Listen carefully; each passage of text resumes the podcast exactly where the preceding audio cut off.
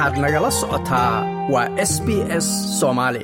galab wanaagsan habeen wanaagsan dhammaantiinba meel kastoo aad joogtaan waa arbaco bisha disembar ay tahay labaatan sannadka labada kun iyo labaatan iyo saddexda. Halka aad naga dhegaysanaysaanna waa laanta af soomaaliga ee idaacadda s b s oo si toosa idinkaga imanaysa stuudiogaanu ku leenahay magaalada melbourne wararka caawana waxaa ugu waaweyn dowladda federaalk ee dalkan australia oo dhaliila kulkulul ay uga imanayaan mucaaradka oo ku eedeynaya inaysan dowladdu xabsiga ku sii haynayn cabdulnaasir bemrika oo ah nin argagixiso lagu xukumay. Maraykankana cadaadis waxaa lagu saarayaa inuusan codka qayaxan u isticmaalin codaynta golaha ammaanka ee lagu doonayo in lagu soo saaro qaraar ku baaqaya in si deg dega oo joogtaa loo joojiyo colaada ka socota khaza wararkaas iyo kuwo kale ayaad maqli doontaane u diyaar garooba.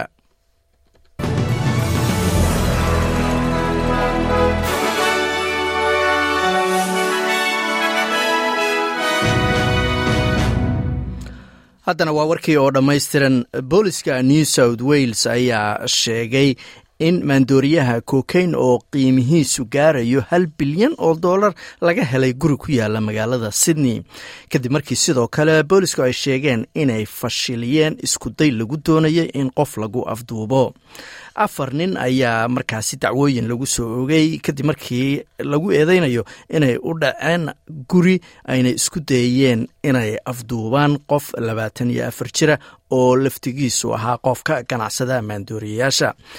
booliska ayaa sheegay in afartan qof oo da-dooda u dhaxaysay sagaal iyo toban ilaa labaatan iyo afar la helay iyagoo ku jira gaari. Gaarigaas oo yaalla meesha kaar baarkiga ee gurigaasi iyagoo sidoo kale ku labisan dhar wada madow laga soo bilaabo kabaha ilaa madaxuna ama wejiguna uu u qarsoon yahay booliska ayaa sheegay intay baaritaanka wadeen oo gaarigaasi ay baarayeen inay ka heleen biro iyo qalabka dadka lagu xirxiro iyo weliba mindiyo qalabkaas oo ay u badan tahay ama u eg in loo isticmaalayay iskudayga afduubka qofkaasi dhallinyarada ah. Qofka la afduubayay laftigiisa ayaa sidoo kale la xiray kadib markii guriga uu degan yahay laga helay maandooriyaha kokaynta la yidhaahdo oo gaaraya toddoba boqol oo kiilo garam isla waxaanu ku jirnaa wararka boolisyada kala duwan ee dalka booliska victoria ayaa iyaguna waxay sheegeen inay qabteen waxa loo yaqaano vabska oo ah wax sidii sigaarkoo kalea loo dhuuqo iyo tubaakooyin kale oo qiimahoodu gaaraya laba dhibic shan milyan oo dollar oo markaasi si sharci daraa looga ganacsanayay. Tan ayaa imanaysa kadib markii boolisku ay baareen dukaamo ama dukaano lagu gado tubaakooyinka oo lala xiriirinayo kooxo dembiilayaasha abaab howlgalkaasi ayaa waxaa fuliyey baa layidhi askar ka tirsan ciidan gaara oo loo xilsaaray arrimaha vaybka kuwaasoo la asaasay bishii oktoobar ilaa iyo haddana xiray baa layidhi labaatan qof sidoo kalena soo saaray toddobaatan waraaqo dad lagu xirayo ama goobo lagu baarayo. Booliska ayaa sheegay inay sidoo kale qabteen hub iyo weliba rasaas iyo seefaha nooca samarayga la yidhaahdo oo arinta waxaasoo dhan ay ka heleen dukaan ku yaalla mowel deegaanka la yidhaahdo ee koonfur bari gobolkan victoria. Toddoba qof ayay boolisku kaxaysteen si ay waraysi ula yeeshaan waxaana la filayaa in markaasi dadkaasi dacwooyin lagu soo ogo iyadoo baaritaanku weli socdo chris lexon oo ayaa markaasi safarkiisii ugu horreeyey oo dalka dibadda intuu ra'iisul wasaarenimada dalka new zealand qabtay markaasi bilaabay isagoo ka soo degaya magaalada sydney maanta oo arbaca. Mr lexon ayaa waxaa qaabilaya dhigiisa waa ra'iisul wasaaraha dalkan australia antony albanisi iyadoo labada hogaamiye lagu wado inay ka wada hadlaan dhowr arrimood oo kala duwan. Arinta ama ajandaha ugu weyn ee laga wada hadlaya ayaa ah dadka muwaadiniinta new zealand u dhashay ee dalkan australia laga tarxiilo iyadoo mr lexon uu ku dhawaaqay in la doonayo intaas ama uu doonayo in xal loo helo. Markaasi tirakoob ayaa muujinaya in tirada dadka australia laga tarxiilay oo new zealand loo tarxiilay ay aad hoos ugu dhaceen labadii sano ee u dambeysay iyadoo sabab looga dhigay dowladda australia oo isbedeshay oo markaasi xisbiga liberaalka iyo nationalka xukunka laga qaaday leybarkuna ay qabteen dowladda federaalka ee dalkan australia ayaa dhaliilo kulkulula uga imanayaan xisbiga mucaaradka iyagoo ku dhaliilaya inaysan dowladdu doonan amar ay xabsiga ugu sii hayso cabdulnaasir bamberika oo argagixiso hore loogu xukumay kadib markuu labaatan sano xabsi ku jiray bamberika oo lagu helay inuu qorsheynayay qaraxyo laga fuliyo garoonka weyn ee m c g labadii kun iyo shantii ayaa hadda la sii daayey sii dayntiisa shalay oo bisha disembar ay ahayd sagaal iyo toban ayaa timid kadib markii xaakimad ka tirsan maxkamadda sare ee dalkan australia elizabeth hollingworth ay go'aamisay in ninkaa sii dayntiisa shuruudo ad adag lagu xiro ku-xigeenka hogaamiyaha mucaaradka susan lee ayaa weerar afka ku qaaday sida dowladdu ay u maaraysay arrintan waa dowladda federaalka ahe This is not good enough. It's not good enough that the Prime Minister cannot reassure Australians about their tani ma ku filna ayay tiri tani naguma filma in naguma filna in ra'iisul wasaaruhu uusan shacabka australia u ballanqaadi karin amni iyadoo hadda ciidda christmasku ay soo dhowdahay annagu waanu xirnaabay tiri argagixisada laybarkuna waa uu sii daayaa oo xabsiyada ayuu ka sii daayaa ayay tiri susan lee maraykanka ayaa cadaadis lagu saarayaa inuusan codka qayaxan ee vitoga la yidhaahdo u isticmaalin codaynta golaha ammaanka ee lagu doonayo in laga soo saaro qaraar ku baaqaya in si deg dega oo joogtaa loo joojiyo colaadda ka socota khaza codayntan ayaa dib loo dhigay ilaa maanta oo arbaca ahayd si loogu ogolaado in la saxo ama wax laga bedelo waxyaalaha qaarkood. Maraykanka ayaa israa'iil ugu baaqay inay dagaalka ka dhigto mid kooxaha lala dagaalamayo ama ay la dagaalamayso keliya lagu beegsado si loo difaaco shacabka khaza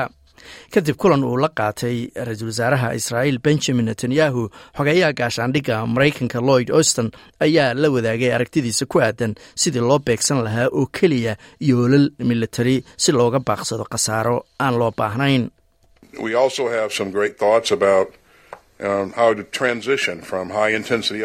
waxaan sidoo kale haynaa oo aanu la wadaagnay aragtiyo waaweyn oo ku saabsan sidii looga gudbi lahaa howlgallada xooggan oo lagu bedelo kuwo hoose oo si gaara loogu beegsado goobo militari oo keliya. Marka arrimahaas oo dhan ayaanu la wadaagnay ayuu yidhi maamulka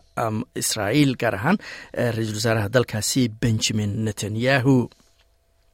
wararka dibadda ayaanu ku jirnaaye ukrain ayaa sheegtay inay yaraynayso ama hoos u dhigayso howlgalladeeda militari sababna waxaa looga dhigay iyadoo ay yaraatay gargaarka militari ee dibadda uga yimaada dalkaasi.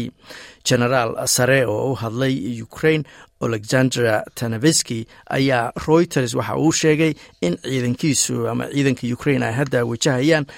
rasaasta oo markaasi ku yaraatay. Ukrain ayaa aada ugu tiirsan qalabka ama waxyaalaha ay rasaastu ka mid tahay ee uga yimaada dalalka reer galbeedka. Sidoo kale waxay aada ugu tiirsan tahay qalabka difaaca cirka ee reer galbeedku ay siiyaan. Wasaaradda caafimaadka ee khaza oo xamaas ay maamusho ayaa sheegtay in ugu yaraan boqol iyo toban qof lagu dilay weerarada cirka ee israa'iil ay ka fulisay waqooyiga khaza gaar ahaan deegaanka jabaliya la yidhaahdo militariga israa'iil ayaa sheegay inay howlgallo ka dhana ka fuliyeen waxa ay ugu yeereen kaabayaasha argagixisada ee jabaliya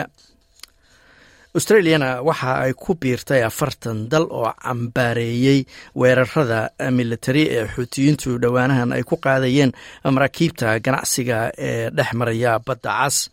Cambaarayntan ayaa imanaysa kadib maraykanku uu bilaabay kooxo ama ciidamo laysu aruuriyey oo toban dal ka kooban oo markaasi ilaalin doona ganacsiga maraya. Marinkaasi waa badda case wararka australia haddaan dib ugu soo noqonana xisbiga leyborka ee northern territory ayaa hadda baaraya ama raaraadinaya hogaamiye cusub inay doortaan. Kadib iyadoo weliba sideed bilood oo keliya ay ka harsan tahay doorashada gobolkaasi ka dhici doonta. Tan ayaa imaneysa kadib markii wasiiradii koowaad natasha files ee gobolkaasi ay shay kadib markii ay soo baxday inay markaasi saamiyo ku lahayd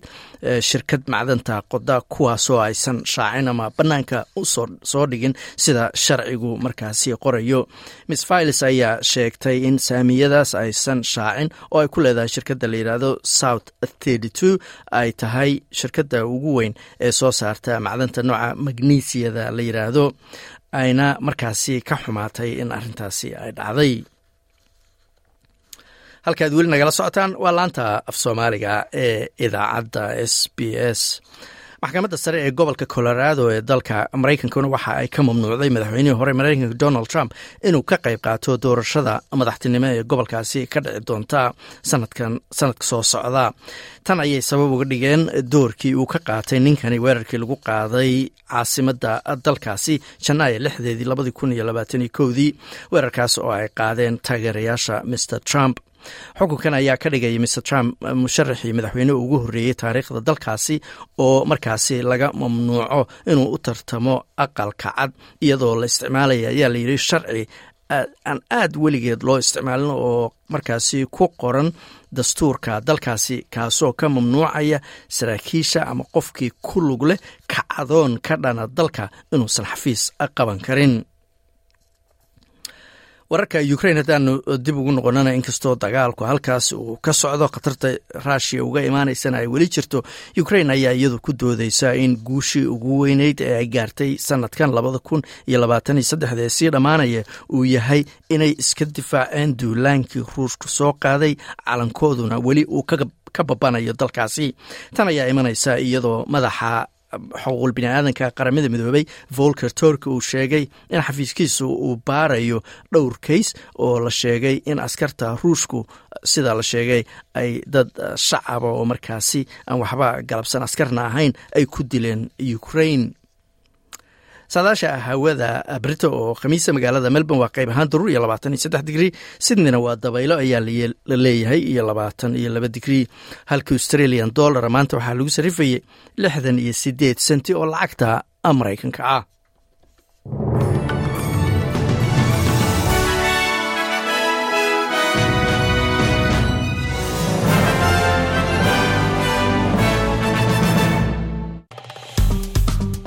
like aas la wadaag wax ka dheh lana soco barta facebooka ee sb s somaali